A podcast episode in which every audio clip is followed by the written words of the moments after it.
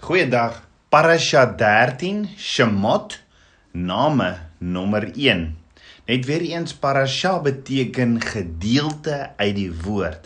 En die gedeelte vir hierdie week in die Torah in die eerste 5 boeke is in Eksodus 1 vers 1 tot Eksodus 6 vers 1.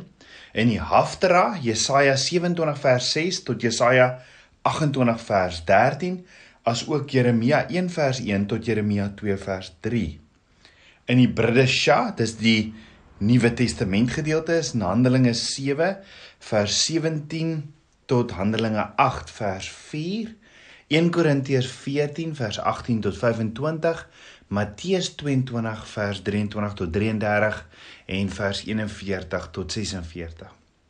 En Eksodus 1 vers 1 staan en dit is die name van die seuns van Israel wat in Egipte gekom het. Saam met Jakob het hulle gekom elkeen met sy huisgesin. Name in Hebreëus beteken Shemot. Die tweede boek in die Torah, Eksodus, begin deur vir ons te vertel hoe die kinders van Israel vasgebind is in slawerny vir 430 jaar. Daar is baie interessante gebeurtenisse in hierdie boek Eksodus, maar hoekom name of Shemot as die eerste gedeelte of parasha. Dit was name genoem want in hierdie boek word die volk van Abba Vader se name opgeskryf en bo en behalwe die mense se name word 'n ander naam aan ons ook bekend gemaak, naamlik die Ek is. In die vorige gedeelte of parasha het ons gesien Josef sterf en na Josef sterf is daar 'n doodse stilte vir amper 400 jaar. Daar word vir amper 400 jaar niks oor Abba Vader of oor die verbondskinders geskryf in Abba Vader se woord nie. Die eerste keer wat ons weer hoor van enige ontmoeting met Abba Vader gaan by die brandende bos wees. So in die Torah gedeelte vir hierdie week sien ons in Eksodus 1 vers 1 name en inleiding. Dan Eksodus 1 vers 8 die Israeliete is onderdruk. Eksodus 2 vers 1 geboorte van Moses. Eksodus 2 vers 11 Moses vlug na Midian. Eksodus 3 vers 1 Moses by die brandende bos. Eksodus 3 vers 13 Abba Vader se naam. Eksodus 4 vers 1 Moses se wondertekens. Eksodus 4 vers 18 Moses terug gaan terug na Egipte. En Eksodus 5 vers 1 Moses en Aaron verskyn voor die koning van Egipte. Die volk kla oor die swaar werk en dan Eksodus 6 vers 1 Israel se verlossing word verseker. Die gedeelte in die Haftara vir die week wat saam bestudeer word sien ons behels in Jesaja 27 vers 6 Israel sal bloei en uitpot. Jesaja 28 vers 1 die kosbare hoeksteen.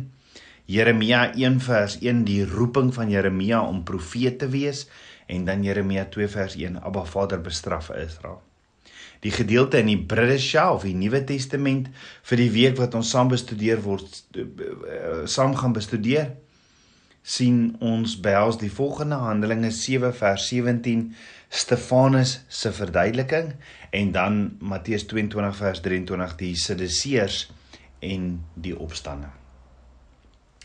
Dis baie opwindend om sporthelde van Suid-Afrika te sien presteer, is dit nie? Soos Brandon Grace of Louis Oosthuizen wat baie goed presteer met golf of die SA cricketspan se sporthelde wat presteer of die Springbok rugbyspan se helde wat die wêreldbeker wen of self swem en atletiek. Maar dink gou daaroor. Daar is iets wat gebeur met al hierdie sportsterre want hulle was nie van die begin af dadelik net sportsterre nie Nee, voor hulle sportsterre geword het en wêreldwyd bekend geword het, het daar eers iets vooraf gebeur. As jy kyk na sportsterre soos Louis Oosthuizen, AB de Villiers, Faf de Klerk, Sia Kolisi, hulle almal was eers gewone ouens voor hulle sportshelde geword het. Nou ek persoonlik hou daarvan om te gaan oplees oor hulle waar was hulle oorsprong en hoe dinge vir hulle verander het totdat hulle op 'n stadium sporthelde geword het. Almal van hulle was gewone mense net soos ons voor hulle sportsterre geword het. Maar daar het wel iets gebeur een of ander tyd. En dit bring my by een van die grootste sterre of uitmuntende leiers of instrumente in Abba Vader se hande in Abba Vader se woord en dit is Moses of soos die Hebreë hom noem Moshi. En dalk voordat Moses 'n uitmuntende leier geword het, dalk kan ons iets leer oor Moshi. Met ander woorde, voor Moses as die grootste leier van Israel was, wat was hy? Wie was hy? Ons kan dalk in Moses se unieke karaktereienskappe iets sien en daaruit iets leer want soos Moses het Abba Vader 'n droom en 'n plan vir elkeen van ons. Let wel Moses het eers op 80 sy droom begin leef wat Abba Vader vir hom gehad het. So wat is daar wat Abba Vader ons in sy woord wil leer van Moses die man as die gewone ou? Nie as die leier of instrument in Abba Vader se hande nie, as ek dit so kan stel nie. Net so, wat as Abba Vader iets in jou sien? Maar jy sien dit nog nie in jouself nie. Wat as Abba Vader se drome vir jou baie baie groter is as wat jy dink? Paulus sê in Romeine 9 vers 20 tot 21: "Maar tog o mens, wie is jy wat teen God antwoord? Die maaksel kan tog nie vir die maker sê: "Waarom het U my so gemaak nie?" Of vir die pottebakker nie mag oor die klei om uit dieselfde klomp die een voorwerp tot eer en die ander tot oneer te maak nie? Hoekom nie ons pottebakker vra om ons te wys wat is sy doel? Wat is sy plan? Wat is sy droom vir my en jou lewe nie? Hy het ons tog geskape Kom ons vra vir Abba Vader dat hy ons geestelike oë sal oopmaak om dit te sien wat hy vir ons beplan en om ons te verander soos wat hy Moses verander het om hierdie karaktereienskappe te ontwikkel vir dit wat Abba Vader nog altyd vir ons beplan het. So wat was van Moses se unieke eienskappe voor hy die leier van Israel geword het? Hebreërs 11 vers 23 sê: "Deur die geloof is Moses na sy geboorte deur sy ouers 3 maande lank weggesteek omdat hulle gesien het dat die seentjie mooi was en hulle het nie die gebod van die koning gevrees nie." Deur die geloof het Moses toe hy groot geword het geweier om die seun van Farao se dogter genoem te word omdat hy verkies het om liewers sleg behandel te word saam met die volk van God as om 'n tyd lank die genot van die sonde te hê en die smaad van Christus groter rykdom geag het as die skatte van Egipte want hy het uitgesien na die beloning. Deur die geloof het hy Egipte verlaat sonder om die troon van die koning te vrees want hy het volgehou soos een wat die onsigbare sien So wanneer ons die woord van Abba Vader bestudeer en ons kyk na spesifieke persone soos Moses wat Abba Vader self gekies het as 'n instrument in sy hande om om leiding te gee aan sy kinders dan sien ons Abba Vader deel elkeen van hulle se lewens met ons vir 'n baie baie spesifieke doel of rede regdeur die woord moet ons besef is daar hierdie vingerafdrukke van Abba Vader en hierdie rigtingwysers na die eerste en die tweede koms van Yeshua ons verlosser. Daar's 'n verlossingsplan wat gebring is in Moses se lewe vir die kinders van Abba Vader en dan sien ons ook 'n stukkie van die karakter van ons Messias, Yeshua wat daarin verberg word.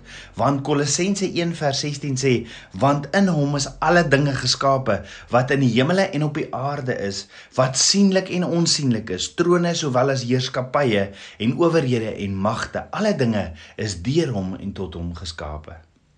Jy sien die hele woord, alles gaan oor Yeshua. En Abba Vader se verlossingsplan vir my en jou is bruid van Yeshua. Net so mag alles in elkeen van ons lewens gaan oor Yeshua. Mag alles in ons lewens gaan oor Yeshua. So voor ons kyk wie was Moses, moet ons net gou-gou eers kyk na die omstandighede en wat het tot en met nou met Moses en die volk van Abba Vader gebeur. Ons het in die vorige parasha of die gedeelte gesien hoe Josef se pa Jakob en al sy seuns na Goshen toe getrek het in Egipte.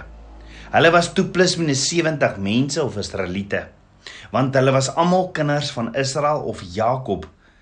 Dis insluitend Josef se familie.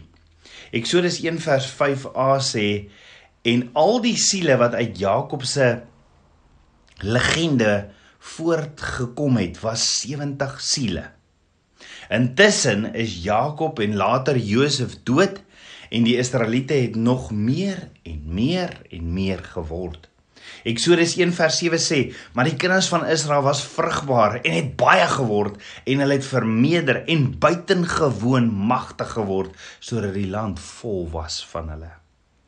Die Israeliete het vir 430 jaar in Egipte gebly en net vir interessantheid was die Israeliete om en by 2.4 miljoen mense toe Moses hulle kom bevry het 430 jaar later.